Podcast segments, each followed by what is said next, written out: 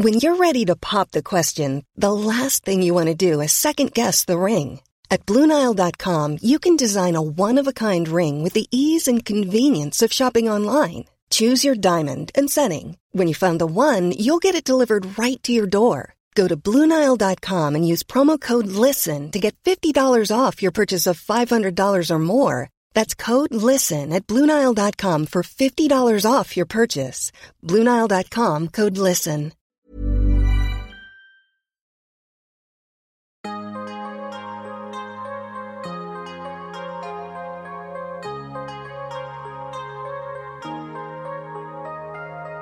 Vores mentale sundhed er nedadgående, og det er til trods for, at vi aldrig har været rigere, aldrig har haft flere muligheder og aldrig har levet længere. Det skal vi tale om. Vi skal tale om alt det, der fylder inde i os. Min erfaring er, at når vi taler højt om de ting, så opdager vi, at der er mange andre, der bøvler med de samme ting. Jeg tror på, at vi kan lære af og inspirere hinanden ved at dele vores sårbarheder, erfaring og viden. Velkommen til Vores Mentale Sundhed, en Mindcare Collective podcast, hvor vi taler om store og små ting, der fylder inde i relateret til mental sundhed. Jeg håber, at du vil lytte med, og at du følger med på min Mindcare Collective profil på Instagram, hvor jeg deler indhold til refleksion, motivation og inspiration. Jeg hedder Lea Helmand. I podcasten i dag har jeg besøg af Anders Bjerregaard, og som dem af jer, der følger med ved, så har størstedelen af mine gæster indtil nu været kvinder. Især de personlige beretninger. Så jeg er så glad for at have Anders med i dag. Og jeg er især glad for at have ham med, fordi han vælger at tale højt om noget, der på mange måder stadig er et tabu. Eller det er i hvert fald noget meget få taler højt om. Nemlig en egen erfaring med, at penge ikke nødvendigvis bringer glæde og lykke i livet. Vi skal i dag tale om Anders egen historie. Anders han er mange millionær, og han har selv tjent pengene. Men de her penge, de har på ingen måde givet ham et bedre liv. Det skal vi tale om i dag, og det glæder jeg mig meget til. Som altid, så vil jeg også lige nævne, at hvis du kan lide det, du hører, så vil jeg blive rigtig glad, hvis du vil rate podcasten i din podcast-app, smide nogle stjerner eller en thumbs up. Og hvis du har lyst til at støtte podcasten her, så kan du som altid gøre det med et valgfrit beløb via MobilePay-nummeret 155503. Tak fordi du lytter med. Velkommen til Anders Bjergård. Tak fordi jeg måtte komme. Fornøjelse at være her. Anders, jeg har også glædet mig rigtig meget til at have dig med her i dag i mit podcaststudie, fordi du skal fortælle om din historie og dine personlige erfaringer i forhold til et emne, som jeg synes er helt vildt vigtigt i den verden, vi lever i. Fordi vi er mange i samfundet, der stræber efter økonomiske mål. Vi er mange, der stræber efter en højere løn for eksempel, eller måske endda det der med at sælge en virksomhed og, og blive millionær på sigt. Og folk de har måske nok de her drømme, fordi der ligger et bagvedliggende håb om, at livet kan blive super nemt og ja, måske endda lykkeligt, eller mere lykkeligt, når man kan købe alt helt bekymringsfrit. Og samtidig så tror jeg egentlig godt, at mange ved, at øhm, studier peger på, at materialisme og penge ikke bringer mere langvarig lykke. Og det er jo egentlig ret interessant det der med, at vi, vi ved det egentlig godt, men mange alligevel så stræber efter de her økonomiske mål. Og samtidig så ser vi også en tendens til, at der er mange, der går ned med stress og brænder ud i forbindelse med den her stræben. Og det er altså det her emne i kombination med din egen historie, som vi skal tale om i dag. Fordi du lykkedes efter 15 år som hårdt arbejdende iværksætter at sælge dine virksomheder, hvilket har gjort dig økonomisk uafhængig, og du er faktisk blevet multimillionær. Og alligevel så taler du åbent om, blandt andet i en artikel i børsen, om at penge det bestemt ikke har været lige med lykke for dig, og du fortæller, at du på mange måder har følt dig fortabt i alt rigdom. Og det glæder mig rigtig meget til at tale med dig om, Anders. Og lige inden vi kaster os ud i det, så vil jeg lige starte med at give en kort introduktion af dig. Du hedder Anders Bjergård, du er 40 år, og du er far til tre delebørn. Og du er gået igennem to skilsmisser. Du har siden skoletiden knoklet som iværksætter, og så har du stiftet kæden Godt Syn, som du solgte i 2009. Og så har du stiftet tandlægekæden Godt Smil, som du også har solgt en andel af. Og derudover så har du sammen med din bror stiftet en virksomhed, der rådgiver inden for at investere i startups. Og med den introduktion, Anders, så tænker jeg, at vi springer ud i din historie. Er du klar på det? Det kan du tro. Dejligt. Kan du ikke starte med at sætte lytterne og mig ind i, hvordan dit liv så ud sådan i overordnede linjer i de år, hvor du arbejdede som iværksætter, altså i de 15 år, inden du solgte din virksomhed. Hvad var det så, der fyldte i dit arbejdsliv, og det, hvordan, hvordan så arbejdslivet ud? Jamen det vil jeg gerne. Jamen jeg tror, jeg så mange, så mange øh, unge mænd jo har store ambitioner og et, øh, et kæmpe drive. Og, og tænke meget det her med, at hvis bare man kunne lykkes med at blive succesfuld og rig, så skulle alt det andet nok løse sig. Og en tendens til at, at, at arbejde med det, frem for at arbejde med hvad skal man sige, de andre ting, jo, som har, har reel betydning jo, for, for lykken. Og der har været rigtig meget lykkeforskning jo. Og det er meget sjovt med vi mennesker, øh, menneskeheden i det hele taget, at uanset hvor mange analyser, der, der, der foreligger og er tilgængelige, så går vi lidt vores egen vej. Det er lidt ligesom, når man har sine børn, og man fortæller dem, eller man ved jo, at hvis de gør det her, så sker det her. Men det er ikke nok, man fortæller dem til det. Altså, de skal ligesom gøre deres egne erfaringer. Og sådan virker det også til med os mennesker i det hele taget. Ikke? At selvom al forskning viser, at penge jo ikke er vejen til lykke, øh, så jagter vi det alligevel. Selvom øh, al lykkeforskning viser, at børn faktisk jo er noget af det, som gør os øh, mest ulykkelige i en periode i hvert fald, øh, så får vi stadigvæk børn. Og sådan er der jo mange eksempler på de her ting, at, at, øh, at man jagter noget, som, som hvad skal sige, videnskaben og analyserne har vist, øh, at det ikke er sådan, eller at det ikke forholder sig sådan. Men, men man skal bare gøre sine egne erfaringer, og det skulle jeg også, og lære sådan på en hård måde, at uanset hvor meget man arbejder, hvor mange penge man tjener, hvor succesfuld man bliver, så følger lykken ikke med, automatisk i hvert fald. Mm. Og det kommer vi meget mere tilbage til, det der med, hvordan du følte, da du tjente pengene. Kan du fortælle lidt om sådan arbejdslivet, altså hvor mange timer arbejdede du, og hvordan, altså, hvordan foregik din arbejdsdag? Var det bare det første, du gjorde, da du stod op om morgenen, og indtil du gik i seng, eller sådan, hvordan var din work-life balance? Jamen, jeg ved ikke, om der var meget balance i tingene. Øh, altså, der er selvfølgelig et før og et efter. Det var jo et, et, et, før jeg fik det første barn, øh, så det eneste, jeg lavede, det var at arbejde jo. Øh, og inden da, det eneste, jeg lavede, det var at studere. Dengang tidligere. Ikke? Øh, så, så jeg læste jo efter arbejde i, i otte år, inden jeg blev selvstændig. Så der var det jo først at gå på arbejde, og så var det at gå skole om aftenen, og læse op i weekenden, og gå til eksamener og forberede sig. Og da det så var overstået, så blev det jo hvad skal man sige, mere og mere arbejdspladsen, som, som fyldte hele hverdagen, for så det sidste at blive det her med at skulle starte selvstændig op. Og en ting, det er hvor mange timer man reelt arbejder. Øh, det er en ting. Jeg tror, en anden ting, det er, hvor mange timer fylder det mentalt i ens hoved. Og i mit tilfælde var det jo alle mine vågne timer jo. Det handlede jo kun om det. Og når jeg sådan en sjældent gang imellem blev tvunget af, af, af min, min kæreste, eller, eller dengang min hustru, øh, til at, øh, at tage på ferie, så var jeg jo ikke til sted. Altså vidt ikke til sted, og jeg var irritabel, fordi jeg jo følte, at hvad laver jeg her på Mallorca, på den her solseng, når jeg kunne være hjemme og arbejde på min mission. Så, så, så mentalt fyldte det stort set sige, alle døgnets timer. Tænkte du slet ikke, når du nævner det der eksempel med ferien, for eksempel, når du var der, du var på ferie med din familie, Tænkte du ikke, at... Var der ikke noget i dig, der tænkte, at du, du burde være til stede og nyde den ferie? Jo, helt sikkert. Altså, jeg vidste jo godt, at man sige, konnektivt, at jeg burde nyde det. Og stranden er lækker og så videre, ikke? Men det interesserer mig bare ikke. Altså når, altså, når jeg kiggede på en strand, eller vejret var godt, så var det egentlig, det var ligegyldigt. Det betød ingenting. Altså det eneste, jeg ville, det var at sidde foran min computer og arbejde på min mission. Hvad var det, der drev dig? så meget for. Øh, jamen, jamen, det var jo det her med, at jeg, jeg, jeg elskede jo mit arbejde. Det gør jeg jo stadigvæk. Men, men der er forskel på at, at elske noget og holde af noget, og så på at blive besat af noget. Der er stor forskel, også i et parforhold for den sags skyld. Øh, men, men, men jeg var jo rent, altså jeg var besat af det her med, at jeg skulle arbejde hårdere, og jeg trøstede mig altid med, når jeg stod op for alle andre og, og gik i seng senere, og arbejdede rigtig mange timer, så tænkte jeg så, jamen det, det gør de andre ikke. Så jeg vinder på den lange bane, ved at det ligger flere timer i det. Sådan havde jeg det meget. Så jeg tænkte, de garanterer det ikke op nu, hvor jeg er op nu. Og når jeg gik i seng, så tænkte jeg, at de, ja, de andre konkurrenterne, som eksisterer derude, uden at egentlig var navn på dem som sådan, ikke?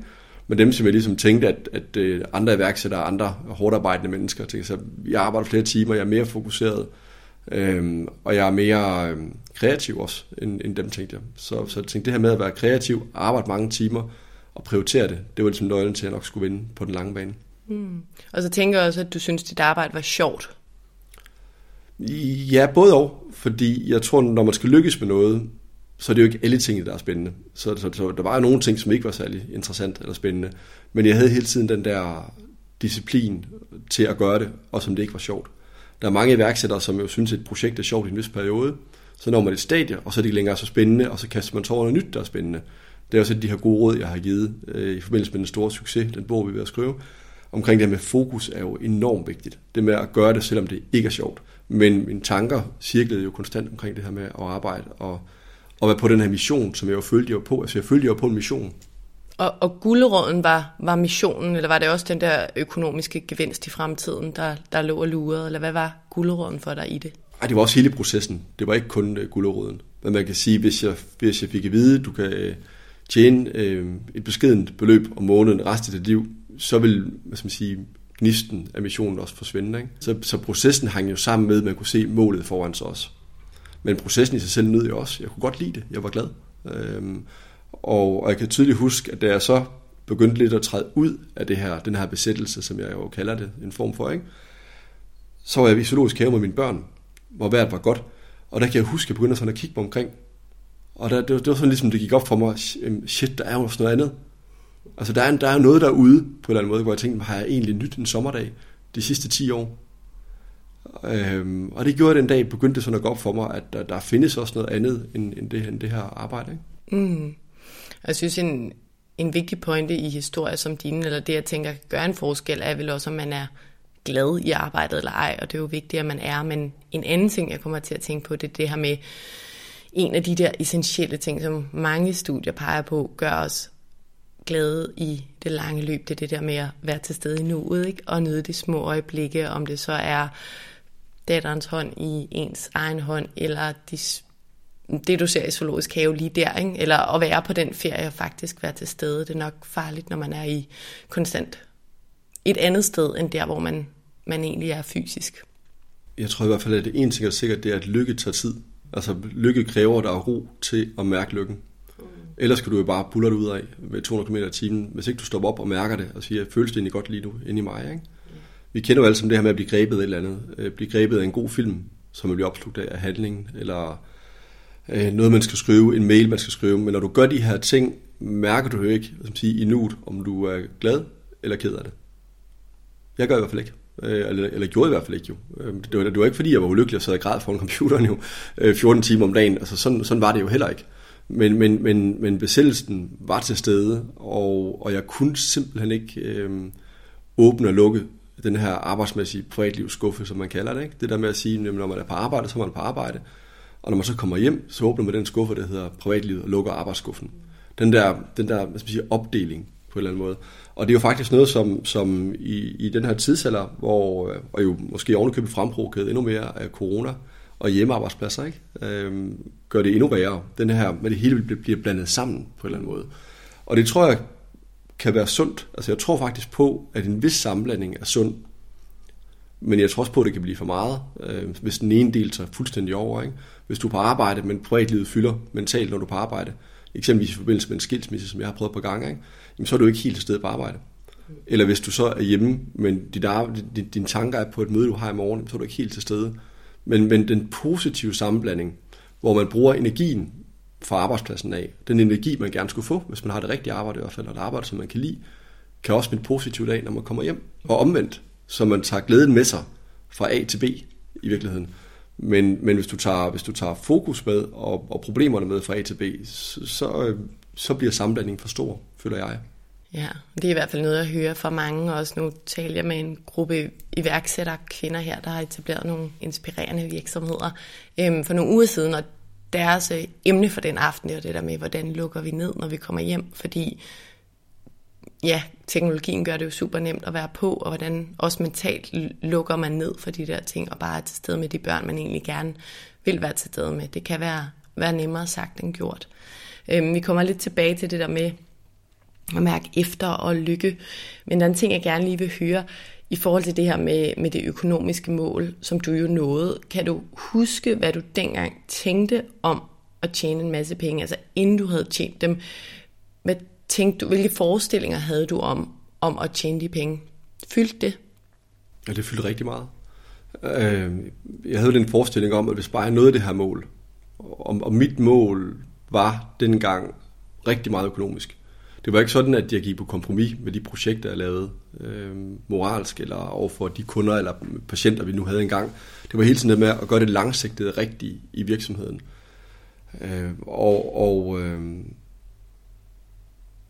det var selvfølgelig første prioritet, at levere kvalitet i, i, hvad skal man sige, i alle led i virksomheden, jeg arbejdede med. Så, så, så der føler jeg egentlig, at, at jeg gjorde det rigtige, også dengang. Men, men overskriften omkring at kunne tjene penge, og kunne få økonomisk frihed, var, var min primære motivation. Det var ikke sådan, at jeg gik på kompromis med de ting, jeg lavede undervejs for at komme dertil, men den fyldte rigtig meget. Den, den, den, den, fyldte, den fyldte som sagt altså, næsten det hele. Ikke? Og hvordan, hvordan så den ud? Altså, hvad tænkte du, når jeg tjener de millioner? Hvad, hvad, vil, der, hvad vil der så ske? Jeg tænkte, når jeg tjener de millioner, så vil den smerte og uro, som jeg oplevede, når jeg ikke arbejdede, så tænkte jeg, så vil det nok forsvinde.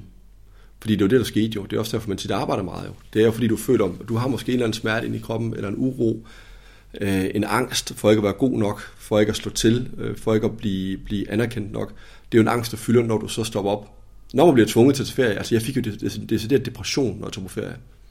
Først var det jo sådan, de første par dage var sådan panikangst nærmest, for ikke at kunne arbejde. Så gik det over i mere sådan depression. Og så det sidste endte det faktisk med, at jeg fik det lidt bedre. Og så var det så tilbage igen. Men, men den der mellemliggende periode, som jeg sagtens skulle fylde halvdelen af ferien, den der depressionslige tilstand, hvor man var frustreret, ked af det, øhm, tenderende til depressiv, det, det var jo et symptom. Altså der mærker man jo sig selv ind i, hvordan, hvordan, hvordan har man det rent faktisk, når man stopper op og bare kigger ud på bølgerne et øjeblik og lægger arbejdet på hylden. Og der gjorde det ondt på mig.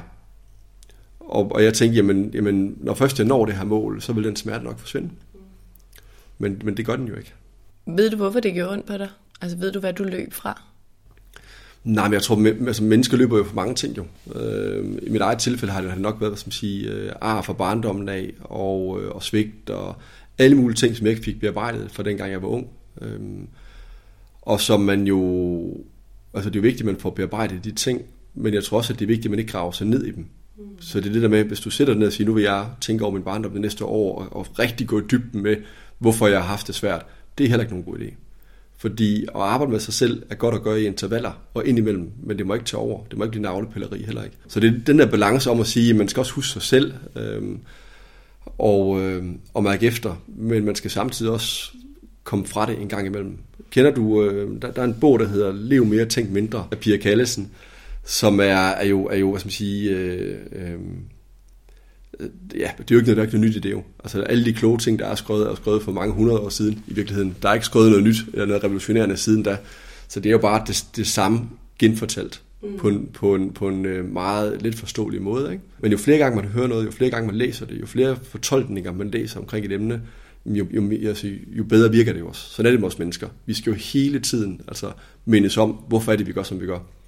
Ja, og en ting er, at vi skal mindes om det, men vi skal jo også praktisere det og øve det. Jeg tror, det er der, vi kæmper mange af os, fordi jeg deler også en masse indsigter med den her podcast, og jeg tror, der er mange af os, der har læst en masse artikler og bøger, for eksempel Pia Kallesens. Men vi er måske ikke så gode til faktisk at implementere det i vores liv og prioritere og øve det, så det tror jeg også er en vigtig pointe. Og til lytterne, der ikke kender Pia Kallesen, så er hun frontperson for metakognitiv terapi, som er en terapitilgang, der har fået rigtig meget fokus de sidste mange år, og af god grund, fordi det har vist rigtig gode resultater i forhold til at kurere angst og depression og stress. Men det handler helt grundlæggende om, at vi skal bekymre os mindre, gruble mindre og egentlig lade vores tanker være. Og der kommer også et afsnit med Pia Kallesen lige om hjørnet, så det kan du høre, hvis du er mere interesseret i det emne koblingen omkring det med Pia Kallesen, mm. øhm, tænker jeg meget, at, at, at man skal jo mærke efter, men man skal også passe på, at det ikke bliver en besættelse. Lige så vel som man skal, man skal passe sit arbejde, men passe på, at det ikke bliver en besættelse. Så det her med at finde den der work-life balance, og, og for mig var det jo meget at bruge arbejde som en besættelse til at skubbe smerten væk, og ikke arbejde med den. Mm. Så hvis jeg havde, hvis jeg havde prioriteret at, at, at arbejde med, med den smerte, som jo øh, hvad skal man sige, kommer af helt andre årsager. Jo. Det kommer jo ikke, fordi jeg ikke har penge. Øh, det kommer ikke, fordi jeg ikke var succesfuld. Det, det, det handler det slet ikke om jo. Men hvis jeg nu har brugt bare en time om dagen på det, og så brugt de andre 14, 15, 16 timer på arbejde, jamen så havde jeg jo hvad skal man sige, mentalt været gladere undervejs. Jeg kunne stadigvæk blive, blive blevet succesfuld og tjene penge og de her ting, men det med at huske sig selv i hele processen og sine prioriteter. Ja, især i det her samfund, hvor det bare går virkelig hurtigt, ikke? og vi er rigtig meget oppe i vores eget hoved, og jeg har sagt det før, men vi bliver rost for fremgang og opadstigning og fremadstræben, og det skal vi også gøre, men det er bare så vigtigt, at vi tager os de der øjeblikke, som du også selv er inde på, hvor vi faktisk mærker efter, hvordan har jeg det, og hvad er vigtigt for mig. Det tror jeg, vi, vi glemmer, og du er i hvert fald ikke den eneste, der fortæller det der med, at når man reelt tager sig tiden til at mærke efter, så er der noget, der gør ondt, som man måske skal have kigget lidt på. Det er i hvert fald mange, som kommer for sent i gang, inklusive mig jo, ikke? Men der er også nogle, der aldrig kommer i gang. Fordi jeg tror, hvis, hvis, hvis arbejdet bliver med selv til en lang periode, og man skubber den her smerte væk, så kommer, der, kommer man også til et, et stadie, hvor man ikke længere tænker over det overhovedet. Og jeg møder rigtig mange mennesker i øh, tidligere i mit arbejde i bestyrelsesforeninger og, øh, og kapitalfondsverden osv., ikke? hvor jeg møder mennesker på, på 60 plus, som hele livet har levet sådan, og som aldrig er kommet til den selvindsigt. I hvert fald ikke noget, de åbner omkring. Men hvor man tænker, altså, de, de, de fortæller stolt omkring, at de har 200 rejsedage, de ser ikke deres børn, og det eneste, det, det er arbejde. Og det, det, det, det vilde ved det, det er, at de virker stolte af det. Hvor jeg tænker sig, jamen, øh, altså, hvad, altså, lytter du til, hvad du selv siger i virkeligheden? Men, men hvor de så, hvad skal man sige, de er nok startet et fornuftigt sted, og så er det blevet en besættelse, så er det blevet en vane, og vaner er jo svært at ændre på.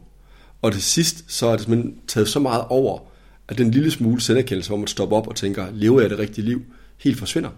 Mm. Og så fortsætter man bare i det spor. Og der er jeg glad for, at jeg ikke selv kom til, jo. Øh, og man kan sige, selvom jeg var 35, for det sådan for alvor gik op for mig, at det var, det var et tidsspor, det her. Så heller altså bedre, bedre sent end aldrig, jo. Ja, helt sikkert.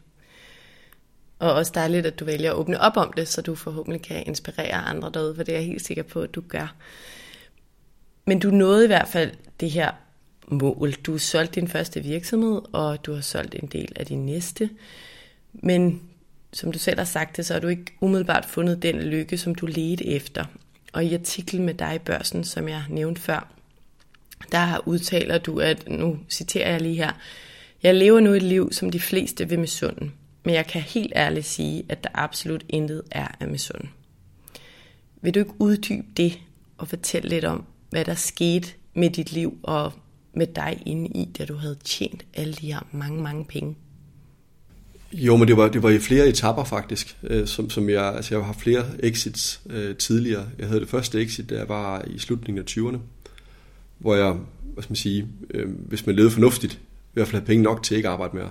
Og så havde jeg den, den nummer exit nummer to i 2014, hvor jeg sådan for alvor blev det, man kalder økonomisk uafhængig. Og det blev sådan, hvad skal man sige, øh, lige, lige efter det skete, og, og papirerne var underskrevet, og penge gik ind på kontoen, som var super fedt, i måske en uge eller 14 dage, så blev det afløst af sådan en, en, en, en dyb tomhed og depressionslignende tilstand igen, ikke? Nærmest som der var på ferie, der var yngre. Og, øh, og det, det var sådan en, en fortvivlelse om, at nu har man nået det her, og man manglede et nyt mål at stræbe efter. Og der tog det mig tre måneder, før jeg sådan for alvor ligesom tænkte, jamen, hvad gør jeg nu? Altså, hvad skal det nu blive af mig? Hvad skal jeg bruge min tid på? Hvad er det for en energi, som jeg, som jeg skal mobilisere, når jeg ikke længere kan se målet? Når målet ikke længere giver mening for mig? Og målet gav ikke længere mening for mig. Men det lykkedes mig så alligevel at sætte et nyt mål, et nyt økonomisk mål. Sige, nu har jeg fået x antal kroner, nu vil jeg så have y antal kroner, og så vil jeg gå efter det. Men, men det tog mig tre måneder, før jeg, før jeg kom dertil. Og jeg fik også mobiliseret en vis styrke, energi omkring det igen. Jeg fik snydt min egen hjerne, som jeg kalder det, til at tro, det var vigtigt. Fordi det er jo sådan med os mennesker, vi kan jo, vi kan jo øh, vi kan overbevise os selv om, at alt det er super vigtigt. Men vi kan også overbevise os selv om, at alting det er super ligegyldigt. Nu er jeg 40 og nu, om 40 år, så findes jeg ikke på den her jord mere. Så er jeg gravet væk, og det er slut, og der er mørke. Øhm, forhåbentlig har mine børn det godt, og lever et godt liv med børnebørn osv.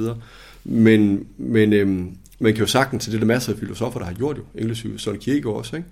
Øh, det her med, den her fortvivlelse om, at det hele kan man tænke sig til er meningsløst. Men du kan jo heldigvis også tænke dig til, at alting det giver mening, og alting det er vigtigt. Og det er jo en evne, vi har, os mennesker, til nogle gange, og, og pludselig sætter sit mål, og så få hjernen til at tro, at det er vigtigt. Og vi fungerer også sådan, at jo mere man bruger tid på et eller andet, uanset hvad det måtte være, uanset om det er at sige, nu vil jeg løbe en maraton, nu vil jeg lave en Ironman, nu vil jeg bestige Mount Everest, eller hvad det nu måtte være af, af overordnet set jo fuldstændig ligegyldige mål. Det er det jo. Eller sige, nu vil jeg blive milliardær, øhm, som er et mål, som jeg arbejder på at mobilisere. og, og, og, det er jo, det er jo, det, det kan du overbevise selv om, at det er fuldstændig ligegyldigt, men du kan også, altså du skal jo nå stoppe til morgen. Er, er det dit mål i dag? Øh, ja, det prøver jeg lidt på at arbejde på, men jeg kan ikke rigtig få mig selv til at synes, det er vigtigt.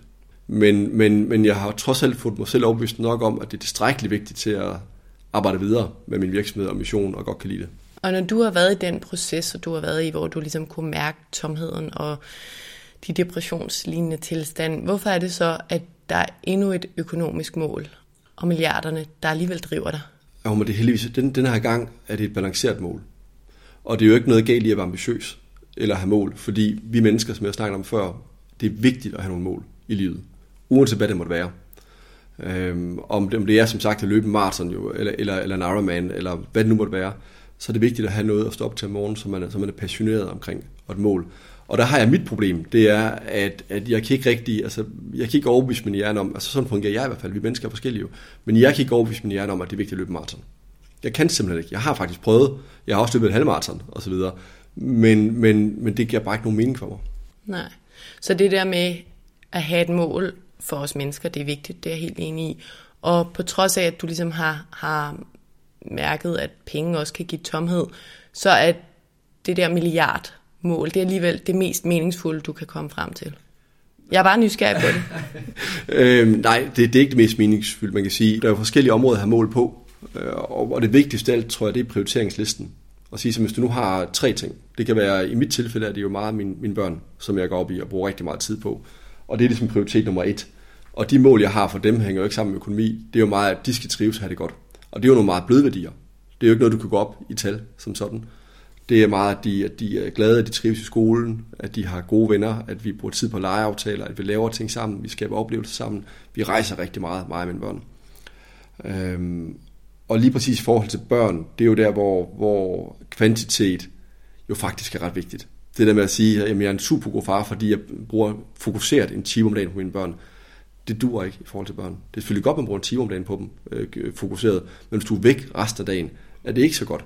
Det der med, at man bare er til stede for sine børn, det man øh, er en del af familien og, og kommer hjem i, i, i god tid, er, er bare rigtig vigtigt for børn. At man er der meget.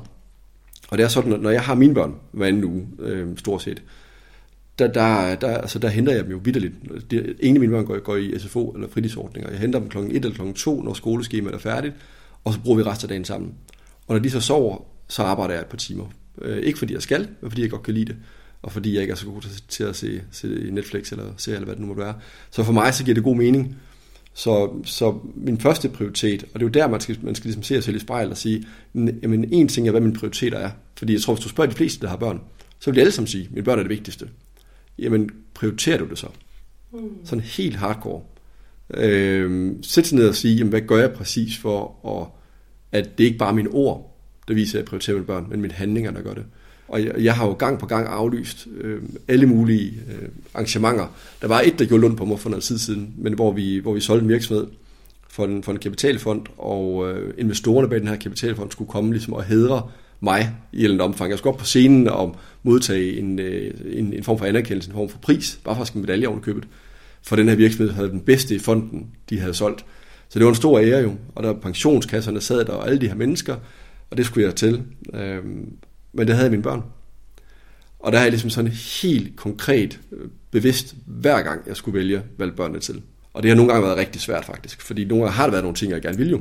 Men, men hvis der har været et eller andet med, at jeg skulle øh, noget med mine børn, så har jeg valgt det. På mandag skal min datter til tandlæge, så der har jeg aflyst et interview med Horsens Folkeblad, som jeg også rigtig gerne vil. Men det der med en ting at sige, ens børn er det vigtigste, en anden ting det er ligesom helt dagligt at levere på det, man, man prioriterer. Ja, det giver god mening. Og det hænger vel også sammen med det, du har talt om, eller der har nævnt et par gange med det balancerede øh, liv nu, hvor du har stadig det økonomiske mål, men du gør det på en balanceret måde, hvor du ikke, ikke kan være på ferie, men faktisk godt kan være til stede med dine børn og bruge, som jeg kan høre, virkelig meget tid på dem. Er det sådan, det skal forstås? Jamen det skal det. Altså det skal forstås sådan i hvert fald, at siden jeg blev skilt første gang, og jeg havde min søn på to år dengang alene, der har jeg altid prioriteret tid med børnene, når jeg havde børnene, og brugt energien på det, og det var det vigtigste.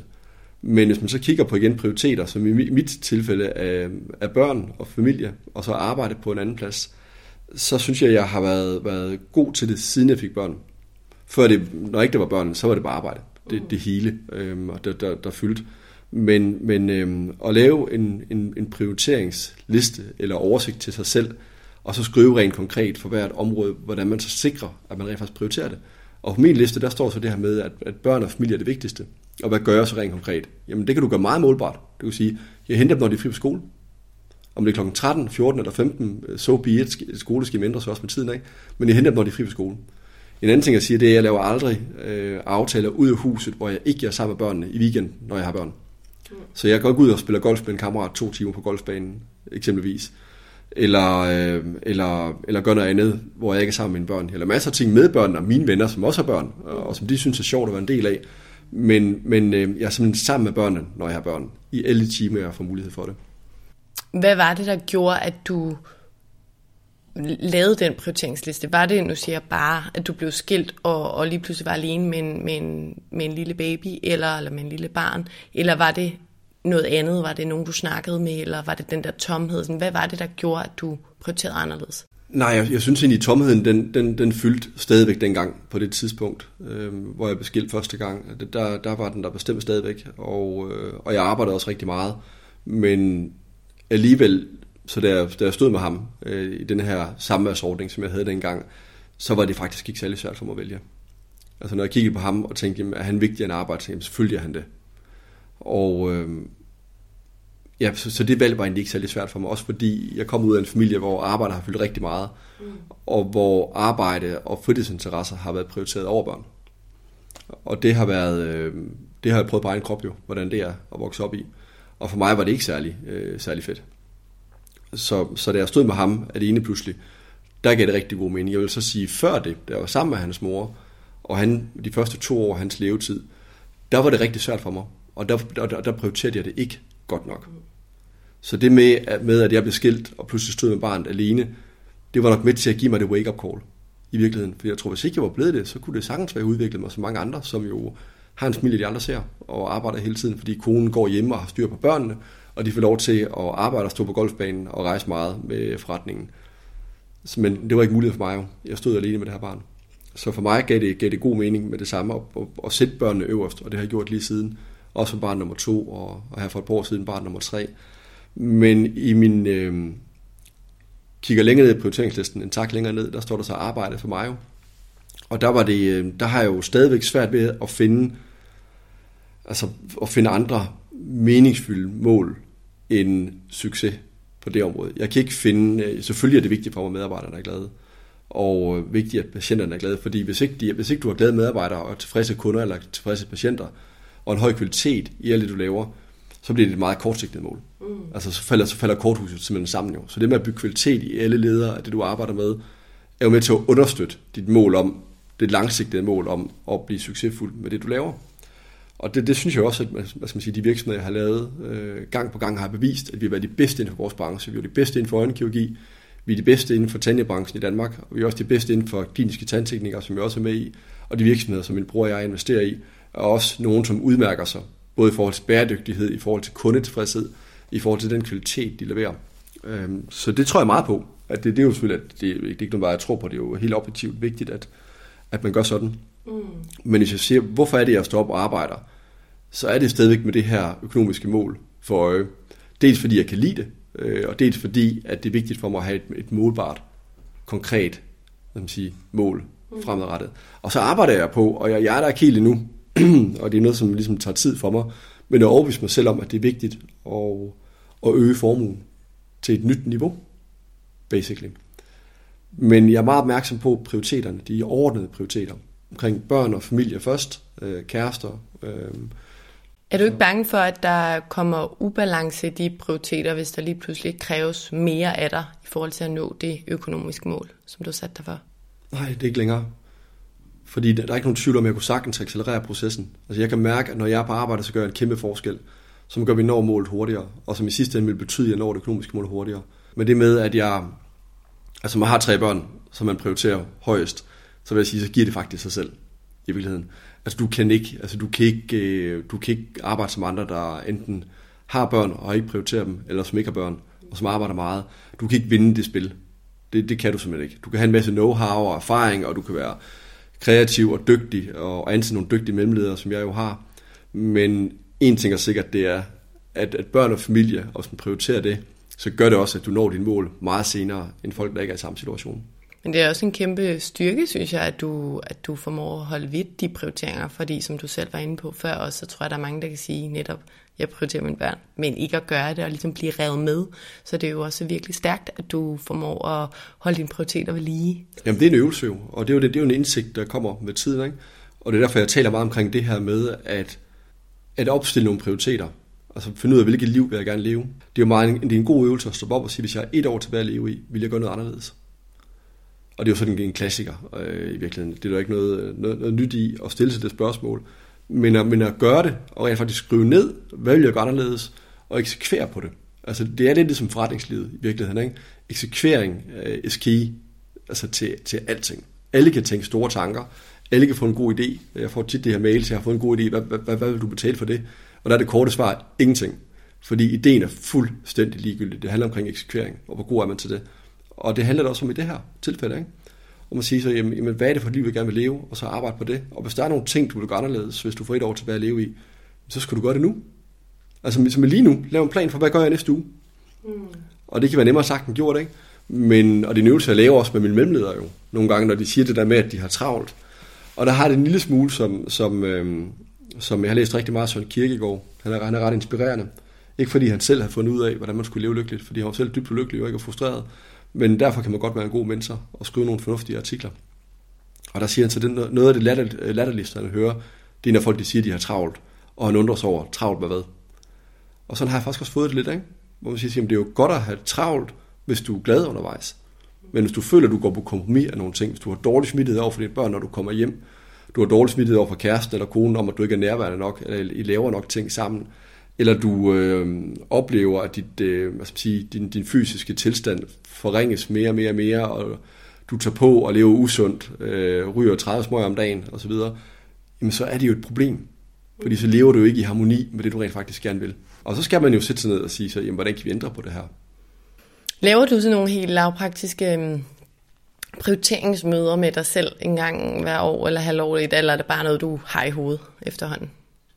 For, for mig, så var det jo, så var det jo, øh, så var det ikke svært, og det tror jeg heller ikke, det er for de fleste. Jeg tror, de fleste, så spørger dem og siger, hvad er vigtigst, dine børn eller dit arbejde? Så tror jeg, de fleste, de vil sige, mine børn. Hvis du spørger 10 mennesker. Selv, selv succesfulde, forretningsfulde mennesker, ikke? Men, men så er det at sætte sig ned og sige så, jamen, hvordan, hvordan beviser jeg det i hverdagen? Og gør jeg rent faktisk, hvad jeg kan gøre på det, på det område? Og det gjorde jeg også.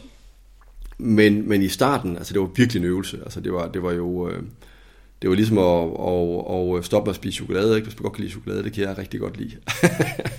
altså det, det, det, er jo det er sådan abstinenser, du får i en periode, og det er vaner, der skal ændres, og det er, og det er daglige prioriteringer, øh, altså sådan helt konkret lavpraktiske handlinger, som man skal tænke på, for, for, for sådan blive bedre til det dag for dag. Så for mig var det, var det, var det mega svært og tog lang tid. Og jeg må hele tiden mig selv om, hvorfor det er, jeg gør det her. Men det er jo sådan, at når man ændrer en vane og gør nogle ting, så føler du også glæde ved det. Men i starten bliver du frustreret og siger, er det også det rigtige det her? Skal jeg, skal jeg gøre sådan her? Og nu jeg står, eksempelvis med stopper med at ryge, så føler man jo sige, var det den rigtige beslutning dagen efter? Øh, og så, sådan har man det jo, indtil det ikke længere er en afhængighed. Så er det jo nemt at sige, at det var den rigtige beslutning. Hey there, it's Michelle Norris. I'm host of a podcast called Your Mama's Kitchen. When I travel, I'm usually looking for a way to find a taste of home when I'm not at home. And one of the things I love to do when I am at home is entertain. And Airbnb allows me to do that. When I was in California recently, I rented a house that had a great kitchen. And when we were sitting around the table, we were all thinking, we're in someone else's house. Someone could be in all of our homes as well. If you have a home, but you're not always at home, you have an Airbnb. Your home might be worth more than you think. Find out how much at airbnb.com/slash host. Quality sleep is essential. That's why the Sleep Number Smart Bed is designed for your ever evolving sleep needs. Need a bed that's firmer or softer on either side? helps you sleep at a comfortable temperature? Sleep Number smart beds let you individualize your comfort so you sleep better together. JD Power ranks Sleep Number number 1 in customer satisfaction with mattresses purchased in-store. And now, save 50% on the Sleep Number limited edition smart bed for a limited time. For JD Power 2023 award information, visit jdpower.com/awards. Only at a Sleep Number store or sleepnumber.com.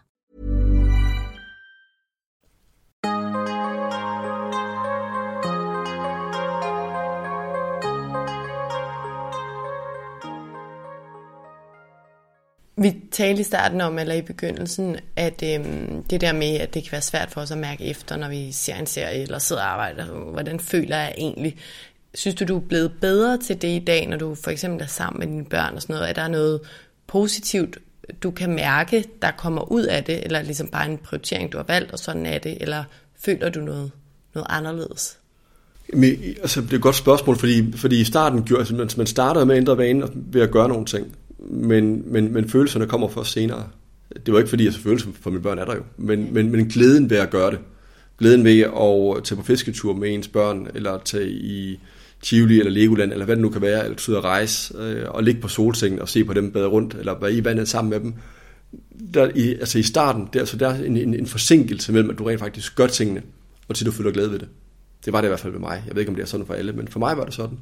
Men, men, men glæden kom heldigvis ved det altså da jeg begyndte at gøre de her ting, og mærke efter, og kunne mærke roen, og, og kunne mærke, øh, at, at de ting, som jeg inderst inde synes var det vigtigste, at jeg fik gjort det, og jeg følte glæde ved det.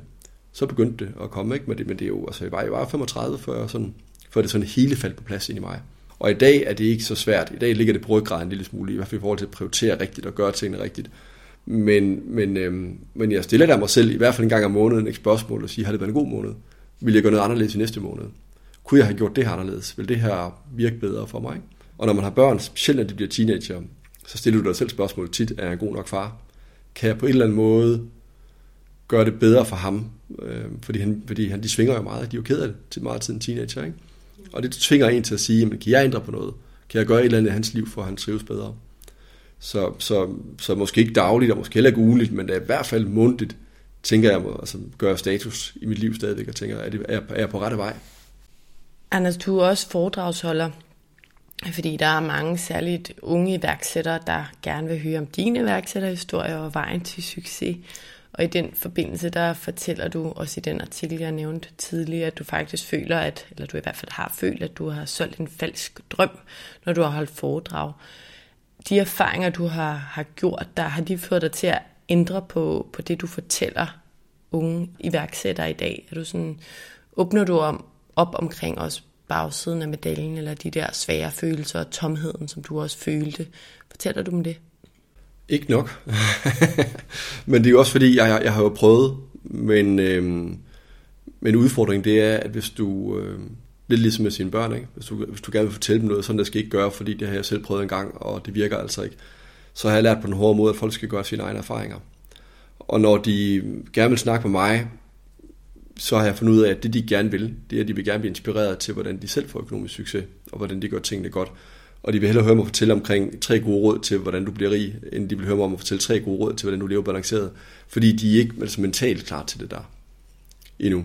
Men der er jo nogen, der skal starte den dialog. Ja, men det er rigtigt, og det gør jeg jo så eksempelvis i dag som i dag. Ikke? Mm. Og, øh, og jeg gør det meget i min virksomhed også. Men, men nogle gange så skal du jo tale til folk til det sted, de er på og der, der, der kan man mærke, at når man begynder at snakke med hvad skal man sige, unge iværksættere, der selv er, er sultne og arbejder hele tiden, og selv har fået den her, det her, de her tanker om, at det her mål er det rigtige for mig, så bliver de, altså, de flakken i blikket, når du begynder at tale om, fordi det, det kolliderer så meget med deres eget mindset. Så det er jo det der med, at man, når man skal give gode råd, så skal man give det til, til et tidspunkt, hvor folk de er klar til at modtage det. Så jeg holder stadig de her foredrag, hvor jeg, hvor jeg ligesom fortæller omkring, hvordan man, hvordan man bliver rig, og hvad man skal gøre, og har selv lige skrevet 10 gode råd. Det er sådan nogle ting, de gerne vil høre. Men de vil høre omkring, at det gør ikke en lykkelig og de her ting. Men, øh, men jeg bruger lidt tid på det. Men jeg bruger måske kun 5-10% af tiden på det, i forhold til, hvor jeg engang brugte ingen tid på det. Så lidt er der sket. Ja, og så er du her i dag, og det er ja. jeg jo rigtig glad for mm-hmm. til at dele budskabet. Hvad tænker du om sådan den diskurs, der er i samfundet, og det, der sker, altså, når vi siger løvens hule, hvor det jo udelukkende handler om nærmest, hvor meget arbejder du øh, med det, og sådan. Altså, synes du, der er nogle ting, der er problematiske, eller kunne være anderledes, eller synes du egentlig, det er fint nok, sådan som vi taler om alt det her med succes og materialisme og sådan i samfundet i dag? Jeg tror, øh, jeg tror igen, det handler meget omkring prioriteter, øh, om man har styr på sine prioriteter, sådan helt overordnet set. Fordi hvis man prioriterer sine børn og siger, at jeg arbejder 8 timer om dagen, og der er jeg super ambitiøs, og der handler det for mig om at lave en succes, det synes jeg er helt fint hvis man kan adskille det på den måde. Men tror du ikke, det er svært at gå på kompromis, hvis man for eksempel ikke havde tjent de penge, du havde, da du fik dit barn? Altså hvis man ikke har nået sit mål endnu, og så sige, min prioritet er mine børn, men jeg har også det her mål, og jeg har ikke nået det endnu. Tror du ikke, det er sværere at, at lave de prioriteringer? Jo, hvis, hvis ikke man har en forståelse for, at målet ikke er vigtigt for ens lykke, det er jo det, der er problemet. Hvis, hvis man har det her mål, og man føler sig holdt tilbage, fordi man ligesom prioriteringsmæssigt gerne prioriterer sine børn, og er frustreret over det, fordi man gerne vil nå det her mål, så tror jeg, man skal sætte ned og sige sig, jamen, vil det rent faktisk give mig det her og nå målet? Og der er det altså bare jo gang på gang på gang bevist, jeg er jo ikke den første, der siger det her, at penge er ikke lykken. Men når man så alligevel stræber efter det, så er der jo, så er der jo et mismatch mellem, mellem, hvad der faktuelt kommer til at ske, når man tjener de her penge, øhm, og hvad der sker yeah. i virkeligheden. Men, men jeg synes, det er problematisk, at, at, at der er folk, der, og specielt jo i kapitalfondsverdenen, og i store virksomheder, hvor det handler omkring, hvor mange timer arbejder du. Altså nogle gange, jeg kan huske nogle gange, der var jeg arbejdet tidligere, fik jeg rus for, hvis jeg sagde, at jeg kan sove hele natten stort set. Ikke? Eller hvis jeg sendte mails om 4 om natten, så synes folk, det var sejt. Du arbejder meget, og hvor er det godt, og, og så videre. Men hvor i dag siger til mine kollegaer, at det er godt nok fjollet, fordi nu er det jo træt i dag. Altså det der med at levere en god indsats, mens du er på arbejde. Om du arbejder 25, 30, 35, 40 timer, det er jo det, der er det vigtigste. Det er at levere en god indsats og være glad undervejs. Og være glad, når man kommer hjem og føle, at man ligesom lever balanceret.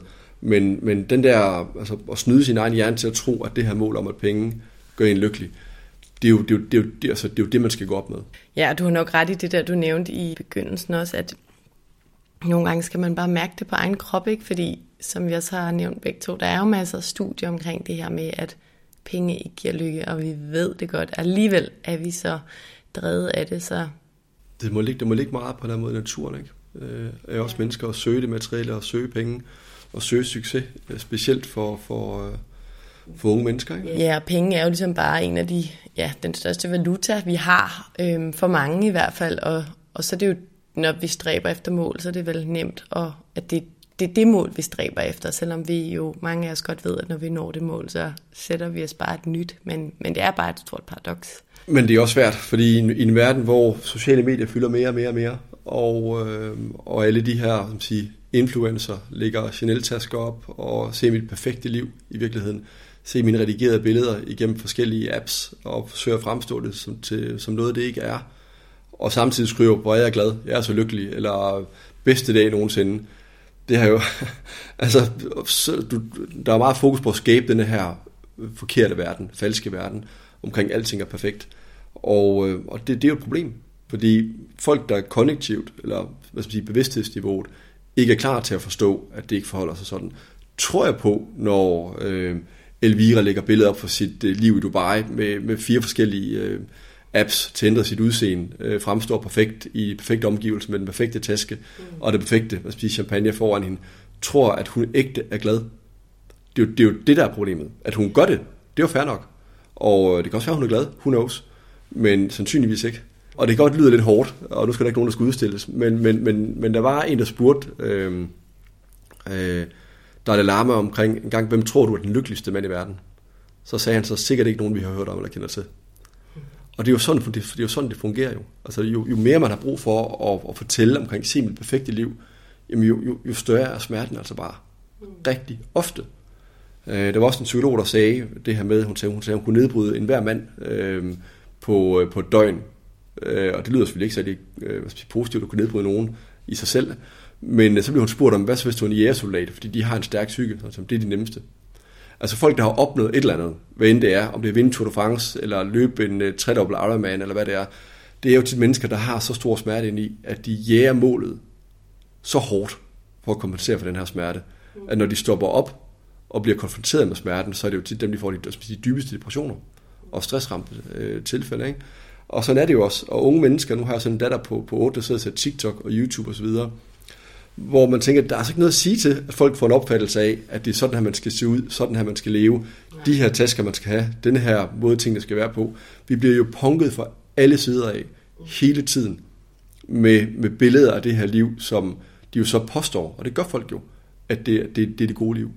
Og det er jo problematisk. Ja, sociale medier er mega farligt, det er jeg meget enig i, og også noget, der har været oppe flere gange i de afsnit, jeg har haft med både eksperter og privatpersoner, fordi det er jo bare en sammenligningstrigger uden lige, og når de der glansbilleder bliver sat op, så er det bare, det kræver virkelig mange øh, mentale ressourcer ikke at lade sig påvirke af det, så det er en, der ligger virkelig en kæmpe opgave, især i forhold til vores børn på det punkt. I forhold til, nu nævner du også øh, Chanel-tasker og så videre, øhm, materialismen. Altså jeg ved, at du har udtalt, at du er sådan lidt vemmes ved materialismen i dag, og at du ikke længere får glæde af for eksempel at købe en ny dyr bil. Hvordan forholder du dig til materialisme i dag og til forbrug, når du jo har så mange penge, som du har? Er du gået den modsatte vej og forsøger at leve mere minimalistisk, eller køber du stadig dyre huse, rejser og biler, eller får du bare ikke så stor glæde ud af det, når du gør det, eller hvordan er dit forhold til det i dag? Jamen, jeg, jeg er jo stadig på min rejse jo, udviklingsrejse. Jeg er jo slet ikke i mål endnu. Det tror jeg aldrig, man som menneske kommer i mål med. Men jeg er i hvert fald kommet dertil, hvor jeg ikke køber nogen ting, eller gør noget, som vil betyde, øh, at mine prioriteter vil ændre sig. Det er ikke sådan, at jeg går ud og køber et hus eller en bil, jeg ikke har råd til, og derfor er nødt til at arbejde hårdere, og derfor ikke kan se mine børn så meget. Så, så, så, så længe at det står i mål, så længe at der er ikke noget galt i at købe en dyr bil eller et flot hus, eller skabe nogle gode rammer for sig selv og for sin familie. Øhm, ikke at det gør en lykkeligere, det gør, for det gør det ikke. Hvad gør det ved dig, når du køber en ny bil? Ikke noget længere jo, rigtigt. Øh, det gjorde det jo engang. Øhm, men, men, men jeg ved det også, at det ikke betyder noget. Hvorfor gør du det så? Øh, I mit tilfælde, der, der, der gør jeg det lidt, fordi at jeg... Øh, altså for det første kan jeg godt lide biler. Det er så en ting. Men, men, men jeg gør det også fordi, at det er en hobby eller en passion, du kan kombinere med det at være en familie og det at arbejde. Fordi, du, fordi jeg kører rigtig meget i mit arbejdsliv. Altså godt smil har jo klikker i, i, i hele landet. Ikke? Og de iværksættere og de virksomheder, som jeg er med i, ligger jo også spredt meget. Så jeg kører jo hurtigt 60.000 km om året. Og det er jo noget, som man kan gøre i forskellige typer biler. Så det giver en lille smule. En lille smule gør det. Det gør mig ikke sådan lykkelig, øh, men det gør mig heller ikke ulykkelig som sådan. Det gør ikke en stor forskel, tror jeg ikke. Men der var det problemet, det er jo når folk de veksler materiel velstand med, med, med, med lykke. Øh, nu ved jeg ikke, om jeg siger det i den rigtige rækkefølge. Men et eksempel det er, som jeg kender mange gode venner, der har gjort, hvor mand og kone øh, har, eller kæreste har et, øh, et hus sammen, arbejder begge to 40 timer plus om ugen, har måske to eller tre børn, øh, har dårlig smittighed over, at de nogle af de sidste børn, der bliver hentet i skolen, er presset på, øh, på økonomien, fordi vi vil gerne tage de her dyre rejser, lægge de her flotte Instagram-billeder op af deres dyre rejsemål i Santorini osv., og, og så får muligheden for at veksle arbejdstid eller penge, og sige, du kan enten gå ned i tid, fordi de fleste arbejdsgiver er faktisk ret søde i virkeligheden, Hvis, specielt i et land, hvor man, hvor man jo mangler arbejdskraft øh, i Danmark. Hvis du går ind til din chef og siger, jeg vil gerne gå ned i tid, men til gengæld vil jeg gerne droppe lønforholdelsen, som jeg har planlagt i år, så vil de fleste chefer sige, okay, det vil de jo. Hvis de arbejder 37 timer, og, øh, og så kan de vælge mellem at få en lønforholdelse på 5.000 om måneden, eller, eller de kan gå ned på 32 timer eller 30 timer om ugen, så er det en oplagt mulighed til at vælge den altså en mulighed for at gå ned i tid, for at, at rette op på den der ubalance, der er i dine prioriteter, og hvad du rent faktisk gør med dine handlinger. Men der ser jeg jo bare gang på gang, at folk tager lønforholdelsen og fortsætter med at leve. Det er det, altså det liv, som jeg kalder for ubalanceret. Og ubalanceret er, når du lever et liv, som er i strid med den måde, du ønsker at leve på. Så er der en ubalance. Og det påvirker bare din lykke. Hvis du hele tiden går og føler, at du ikke får set dine børn nok, eller du ikke er en god nok far eller mor, at du ikke får set dine venner, at du ikke får besøgt din gamle mor på plejehjem osv. osv., osv. Ikke? Det, er jo, det er jo en ubalance, der bliver skabt ind i dig. Så du har stadig et forbrug og køber dyre ting. Det giver dig bare ikke den samme glæde i dag, og det er du bevidst omkring. Det er jeg helt bevidst omkring, og jeg er meget opmærksom på ikke at bruge flere penge, end, end, øh, end jeg har. Jeg er meget opmærksom på ikke at, at veksle, hvad skal man sige, øh, mellem penge og forbrug og sammen med børnene. Men så længe jeg har den tid til børnene, som, som jeg har, og det er jo igen min første prioritet, så længe jeg føler, at jeg opfylder første prioritet, mine børn og min familie, så er det ikke så vigtigt, hvor, hvor drevet jeg er af økonomi og succes og materielle ting som sådan egentlig. Altså jeg, jeg har meget som, at man skal ikke dømme folk, og man skal, Hvis det er vigtigt for, for, for nogen at bo i et stort hus, øh, hvis de har penge til det, jamen why not? Altså helt ærligt. Du bliver heller ikke lykkelig af at dø med masser af millioner på din, på din bankkonti, når du dør. Det der med, at dine børn arver en masse, det lyder, det ville jo altså, det ville slå mig ihjel jo, hvis jeg arvede 100 millioner, da jeg blev, øh, min mor døde tidligt, ikke? Hvis jeg arvede en masse penge efter hende, øh, det her da er forfærdeligt. Fordi så er det ikke sikkert, at jeg kunne have mobiliseret som skal sige, styrke til at gøre alle de ting, jeg har gjort. Og komme til, hvor jeg er kommet. På andre måder, så, så, så en ting er jo, at selv penge, man tjener, har arbejdet for, er ikke lykken, men penge, du får, tror jeg, det, det kan være ulykken i virkeligheden. Det er jo ikke, fordi jeg siger, at penge gør en ulykkelig. Jeg siger bare, at penge gør ikke en glad. Øh, om du kører i en, i, en, en Ferrari eller en Audi A6, betyder bare ikke noget på den lange bane. Men det er jo ikke, det er ikke fordi, du bliver lykkelig af at køre i Ferrari'en. Det er ikke sådan, det skal forstås. Men hvis du har offret alting, dine børn, din familie, du har ikke set dem i 10 år, deres første deres barndom, for at få Ferrari'en, så gør det dig ulykkelig i sidste ende. Ikke? Ja, god point. Når du kigger tilbage på dit liv, hvad vil du så ønske, at du kunne gøre om? Eller sagt på en anden måde måske, hvad vil du ønske, at du kunne fortælle 20-årige Anders tilbage i tiden med den erfaring, du har i dag? Jamen, jeg tror meget, at jeg vil, jeg vil ligesom have opfordret mig selv til at arbejde med de reelle problemer. Så er jeg undervejs været mere glad. Jeg tror ikke, jeg vil sige til mig selv, at du skal ikke arbejde eller have en karriere, eller være ambitiøs, eller være passioneret for dit arbejde. Øh, det vil jeg bestemt ikke sige. Og jeg har jo heller ikke, altså, jeg har jo heller ikke gået på kompromis med, med sammen med mine børn, øh, stort set på noget tidspunkt. Jo lidt de første par år, hvor jeg var sammen med moren, men da jeg så står med ham alene, så træffer jeg jo også det rigtige valg og leverer på det. Så jeg synes, der er to ting, jeg egentlig er god til i livet. Det er jo at være far, øh, og det er at være iværksætter eller forretningsmand, eller hvad skal man sige, mit arbejde. Men jeg tror, jeg vil, jeg vil ønske, at jeg havde været glad undervejs. Altså, at jeg havde påskyndt det hele lidt mere. At, jeg, at, jeg havde, at, jeg, at den smerte, som jeg havde følt inde i, at det var startet tidligere med at arbejde med den. Fordi hvis jeg bliver, lad os, sige, øh, lad os bare sige, at jeg bliver 50 år, jamen så har jeg været lykkelig en større del af livet, end jeg har været glad jo. Øh, og jeg, når jeg kigger tilbage på mit liv, så har det ikke, så har det ikke været særlig lykkeligt jo. Føler jeg ikke. Og jeg føler lidt, at jeg startede på rejsen, da jeg blev 35, med at begynde at blive glad og prioritere ikke prioritere, for det har jeg hele tiden gjort, men, men, men, men at mærke glæden ved de forskellige ting. Ved at blive bedre til at skifte mellem arbejde og privatliv, og, og, og føle glæden, fordi når man alligevel gør tingene, når man alligevel henter de der børn tidligt, eller man får succes på arbejde, jamen det er jo super fedt, men det kunne også være dejligt, at du kunne føle glæden ved det på samme måde. Og det er en proces, jeg startede, da jeg blev 35. Det ville jeg ønske, at jeg gjort noget for. Har du undervejs, hvis du har lyst til at dele det, gået, altså har du brugt terapeuter, psykologer, coaches, er der nogen, der har hjulpet dig på vej? Øhm, ja, det synes jeg, jeg har. Ja. Jeg synes, jeg, og det gør jeg stadigvæk. I et vist omfang. Jeg tror, det der med at arbejde med sig selv, øh, tror jeg er en vigtig proces jo. Det er jo sådan lidt dansk på en eller anden måde. Hvis du går til en psykolog eller en life coach, eller hvad man nu kalder det, nu er man så begyndt at kalde det andre ting, for at gøre det mere spiseligt. Øh, coaching blandt andet, ikke? eller hvad det nu er. Men i bund og grund, så er det jo det, så er det, jo det samme, som man gør. Altså, hvor man arbejder med sig selv, snakker omkring nogle ting, der gør en ked af det. Hvordan kan man blive bedre til det her? Øhm. Jeg synes jo, det er en kæmpe ting, det der med, at altså, vi går i skole for at uddanne os akademi, akademisk, og vi går i fitness for at blive stærke fysisk, så hvorfor søren skal vi ikke snakke med nogen, der ved noget om at udvikle dig og øh, gøre, at du kan kende dine svagheder og dine tankemønstre og alt sådan noget. Det, jeg synes, det, øh, det burde være meget mere normalt, men jeg tænker også, at vi er på vej den vej, som du siger, med at gøre det spiseligt med andre termer og alt sådan noget. Vi, vi er helt sikkert på vej, men det er jo rigtigt nok, altså mental sundhed øh, er jo bare ikke noget, som er på skoleskemaet, og det burde det jo virkelig være. Altså det der med at sige, at vi indfører skoleskemaet, hvor vi mediterer sammen en halv time om dagen med børnene. Ja, helt sikkert. Det der med at få at mental sundhed på, på skoleskemaet, det, det forstår jeg slet ikke, der er. Men må ikke det kommer på et tidspunkt. Vi er ved at være ved vejs ende, Anders, men jeg vil gerne lige høre her til sidst. Hvilke tre råd baseret på din erfaring vil du gerne give videre til lytterne, hvis du ligesom skal give ja, tre punkter med til dem, baseret på, på dit eget liv og din egen historie? Jeg tænker næsten, du vil nævne noget med prioriteringer. Jamen, jeg tror, det er vigtigt, at, at man går op med sig selv, hvilket, hvilket liv man gerne vil leve, som det første.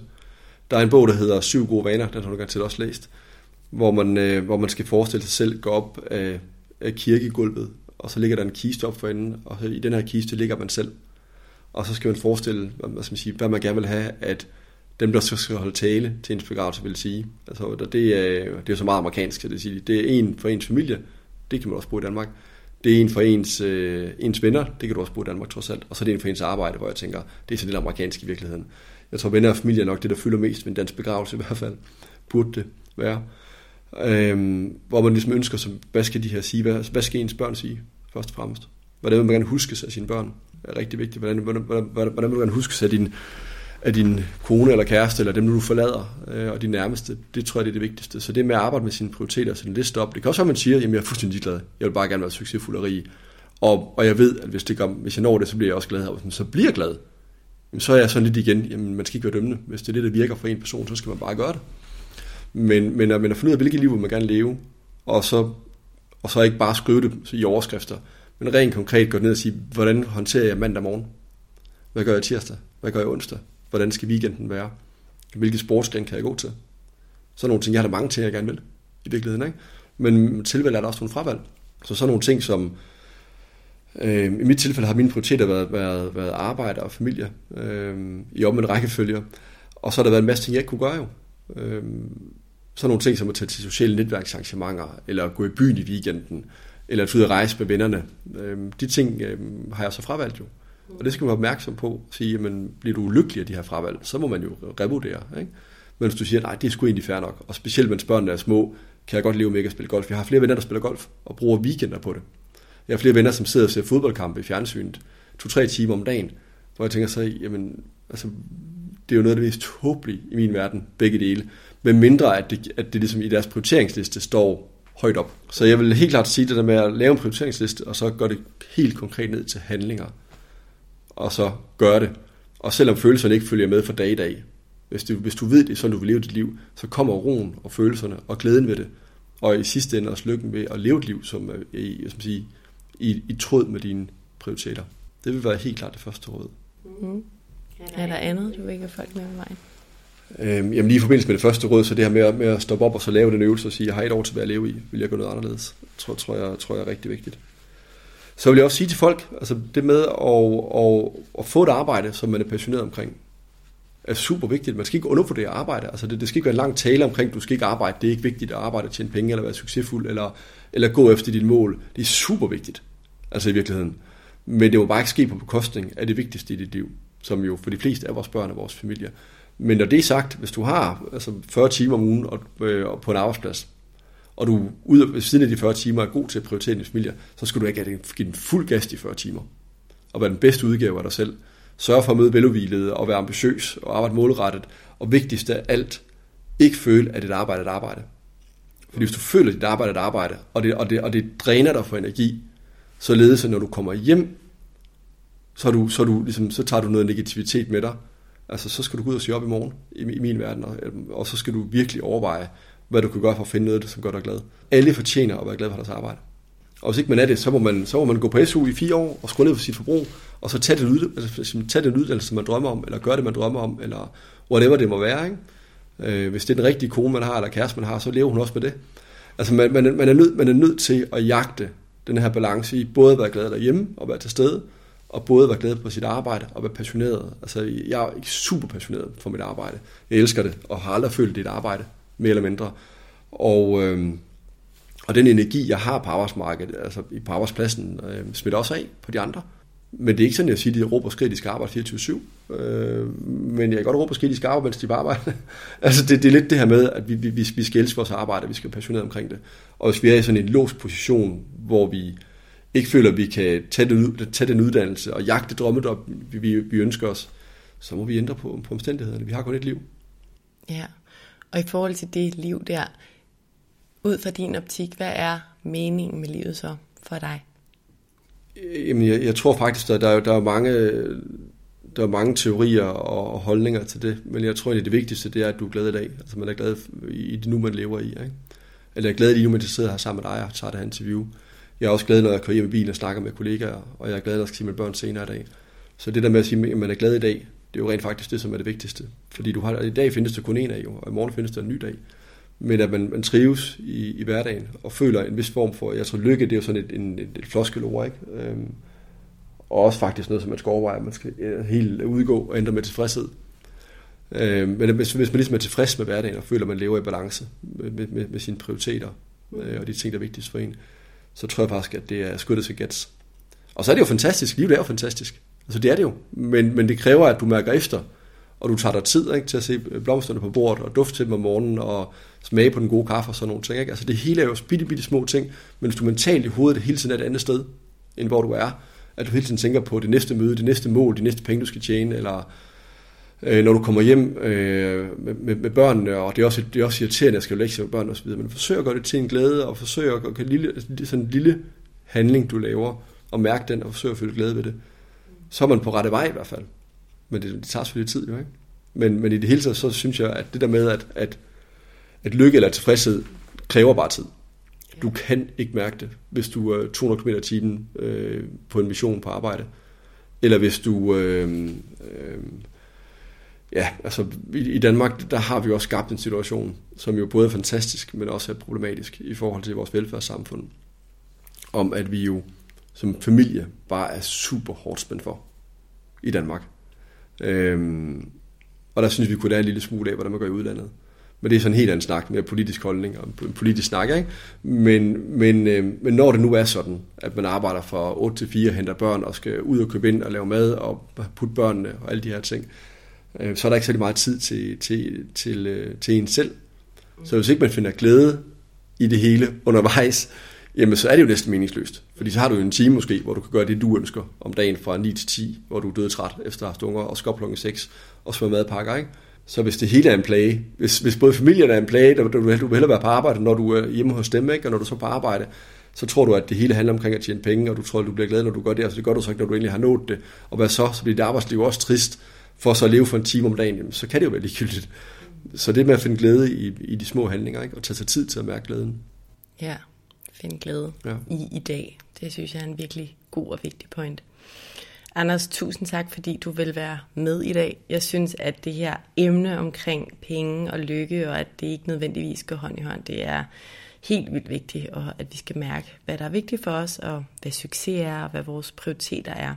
Og det er vigtigt, at der er nogen, der tør at vise andet end glansbilleder i forhold til det der med at have tjent mange penge. Så tusind tak, fordi du vil være med i dag, og fordi du vælger at tale højt om din historie. Det er jeg rigtig glad for. Velbekomme, det var en fornøjelse.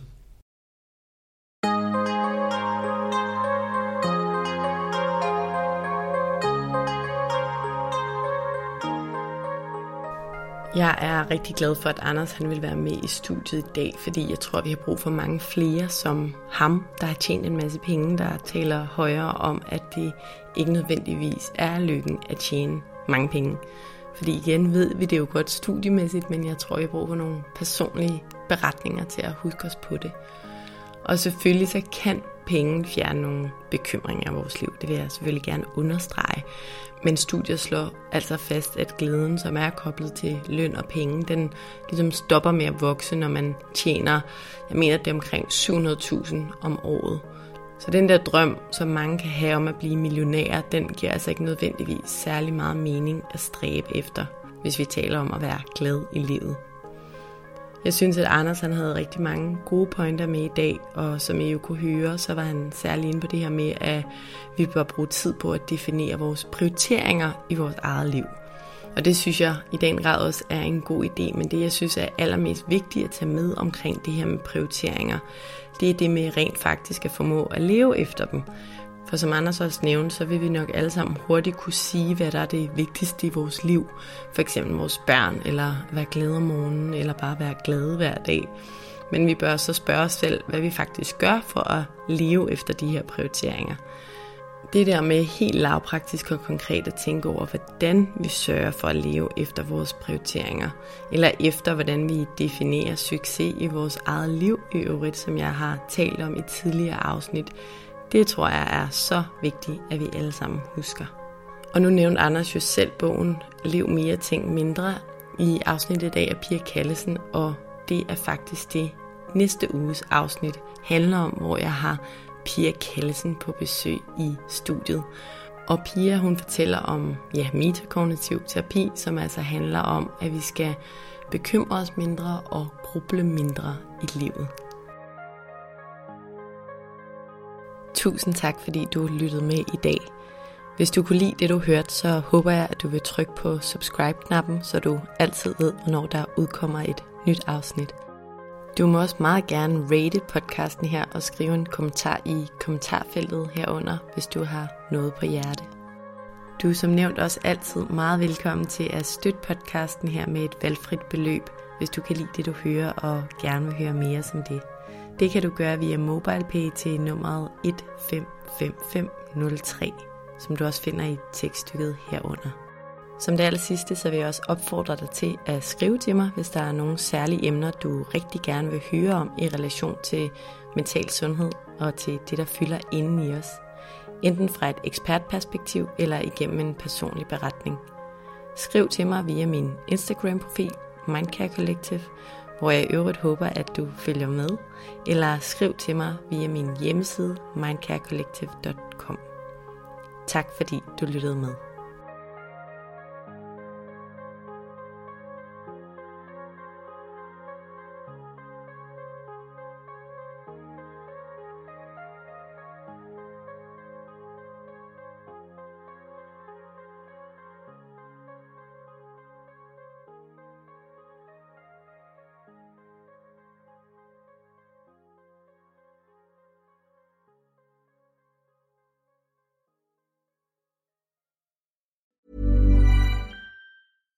Hey, it's Paige DeSorbo from Giggly Squad. High quality fashion without the price tag. Say hello to Quince. I'm snagging high-end essentials like cozy cashmere sweaters, sleek leather jackets, fine jewelry, and so much more. With Quince being 50 to 80% less than similar brands. And they partner with factories that prioritize safe, ethical, and responsible manufacturing. I love that. Luxury quality within reach. Go to quince.com slash style to get free shipping and 365 day returns on your next order. Quince.com slash style. Mom deserves the best, and there's no better place to shop for Mother's Day than Whole Foods Market. They're your destination for unbeatable savings, from premium gifts to show-stopping flowers and irresistible desserts. Start by saving 33% with Prime on all body care and candles. Then get a 15-stem bunch of tulips for just $9.99 each with Prime. Round out Mom's menu with festive rosé, irresistible berry chantilly cake, and more special treats. Come celebrate Mother's Day at Whole Foods Market.